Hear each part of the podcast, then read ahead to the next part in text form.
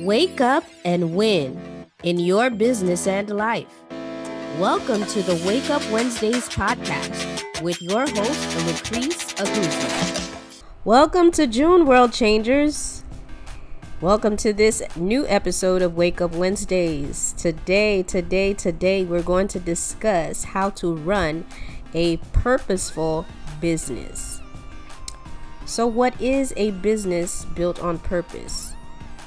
It's basically a business where you, as the owner, are intentional about every part of your business. And here's another question What areas should we be intentional in in our business and in our life?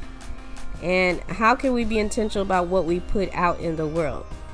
So let's look at a few areas. Number one, it's important to put first things first. To be intentional in our business, we have to learn how to set priorities. Um, and I'm preaching to myself too. so we're in this together. So setting priorities in like key areas of our business is one way um, to be intentional. Prioritize your time, prioritize your relationships, prioritize your spiritual, emotional, physical health, and this way you'll be you'll be able to show up in the other areas of your business. So put first things first. Okay? So that's important. Another area we can be intentional in is our brand. We have to be intentional about reflecting and communicating our brand through our business. And what are some ways you can do that? Um, you can revise your brand message, making sure that it's clear across every platform that you have. You can evaluate how effective your brand is. Ask for feedback. Whether you're a company that's starting from scratch and you only have one client, to a, a multi million dollar company, to a million clients, it, it you know it doesn't matter. Always try to evaluate the effectiveness of your brand. Um, just because you're small doesn't mean that you you don't do things in excellence. I want you to run that company like you already ran a million dollar company because one day it will be. So, assessing your brand effectiveness is helpful and in helping you being intentional. Reviewing your brand's KPIs. A KPI is basically like a performance indicator or kind of like a goal that you set for yourself that's very strategic, that's very specific, and then you evaluate from quarter to quarter to see how well you did. So when you review those things, it helps you stay on your game and stay on your goals so you don't lose focus. Because you don't want at the end of the year, you're like, oh, where did the money go? or, um, you know, I could have done this here, I could have done that. So when you have those KPIs, you can, you know, quickly adjust throughout the year and then you'll have a better result at the end. And another way um, to be intentional in your brand is to update your visuals, making sure you're fresh. Don't be stagnant.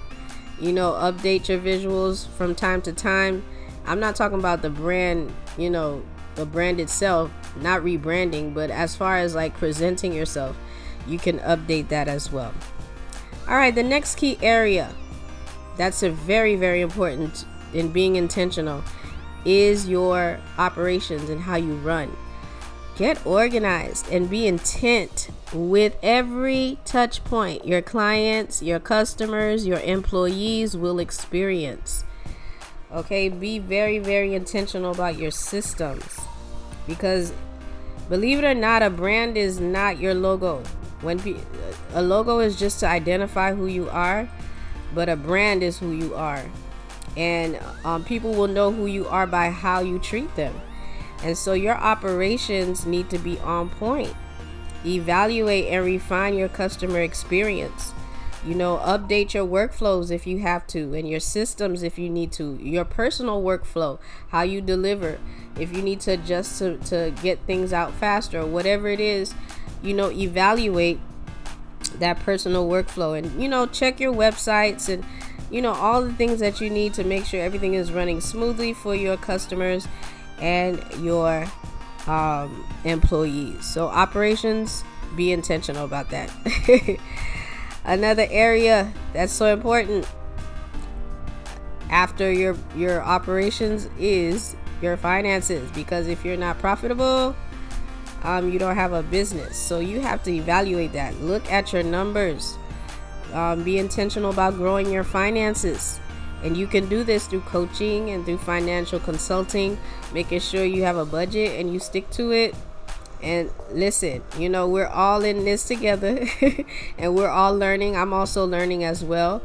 So these are just some reflections that i noticed you know as a growing solopreneur and entrepreneur and i see you know all the things that go behind the scenes of a brand. Um, these are just some things I, i've you know just to be transparent that we need i needed to work on. But um and i just wanted to share that with you share those nuggets you know to grow in that area. So don't be afraid to ask for help in any of these areas. If you feel that you're lacking in one um, reach out for help and get that assistance you need so you can reach those goals that you want. All right. Marketing. Marketing you have to be intentional about that as well find out what works for you and stick to it. Um, you know there i've seen a lot of companies who have not even posted one post on social media but they're incredibly profitable because you know that's what works for them. But i've seen other people who are on the social media train and they're doing great and they're doing what they got to do and they're profitable. Whatever it is find out what works for you and stick to it. Look at your insights. Look at your numbers in this area as well all right, professional development. So important. Invest in yourself, invest in your business through professional development. The more knowledge you have, the more profit you have. The more knowledge you have, the more expertise you'll have under your belt. Um, the more knowledge you have, the more you can pour out into other people. So it's important to be intentional about what types of professional development that will help your business and will help you. All right. And last but not least, I love collaborating and partnering with people who aligned with the vision of our brand because it's beneficial. Two are better than one. Um, no man is an island, and you know, collaborating it produces more result as opposed to you being by yourself. So don't be afraid to reach out. Of course, um, you know, be wise in, in choosing who you partner with okay? Don't don't go out there and partner with anybody. But um, be wise and who you partner and collaborate with and make sure they that your visions align okay? So that's a key area in helping you being intentional in your business. So let's review. We got some seven key areas where you need to be intentional in your business. Number one putting first things first setting priorities Number two, be intentional in your brand about reflecting and communicating who you are through your business.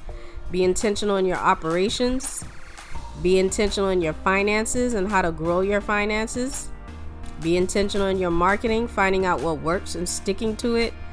Being intentional about, you know, your professional development and how you're going to invest in your business and in yourself. And last but not least, don't be not being afraid to collaborate with people who align with your vision. All of these help build a purposeful business, a focused business, an intentional business. All right?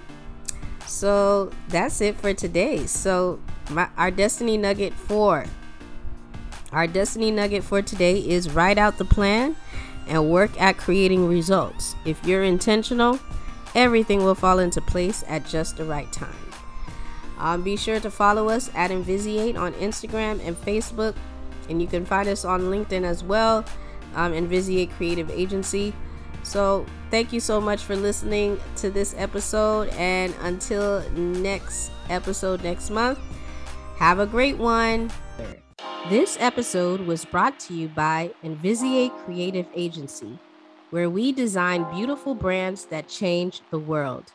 If you need help with getting started on the branding process, join our free Makeover My Brand Challenge, where you'll receive practical steps on building your brand.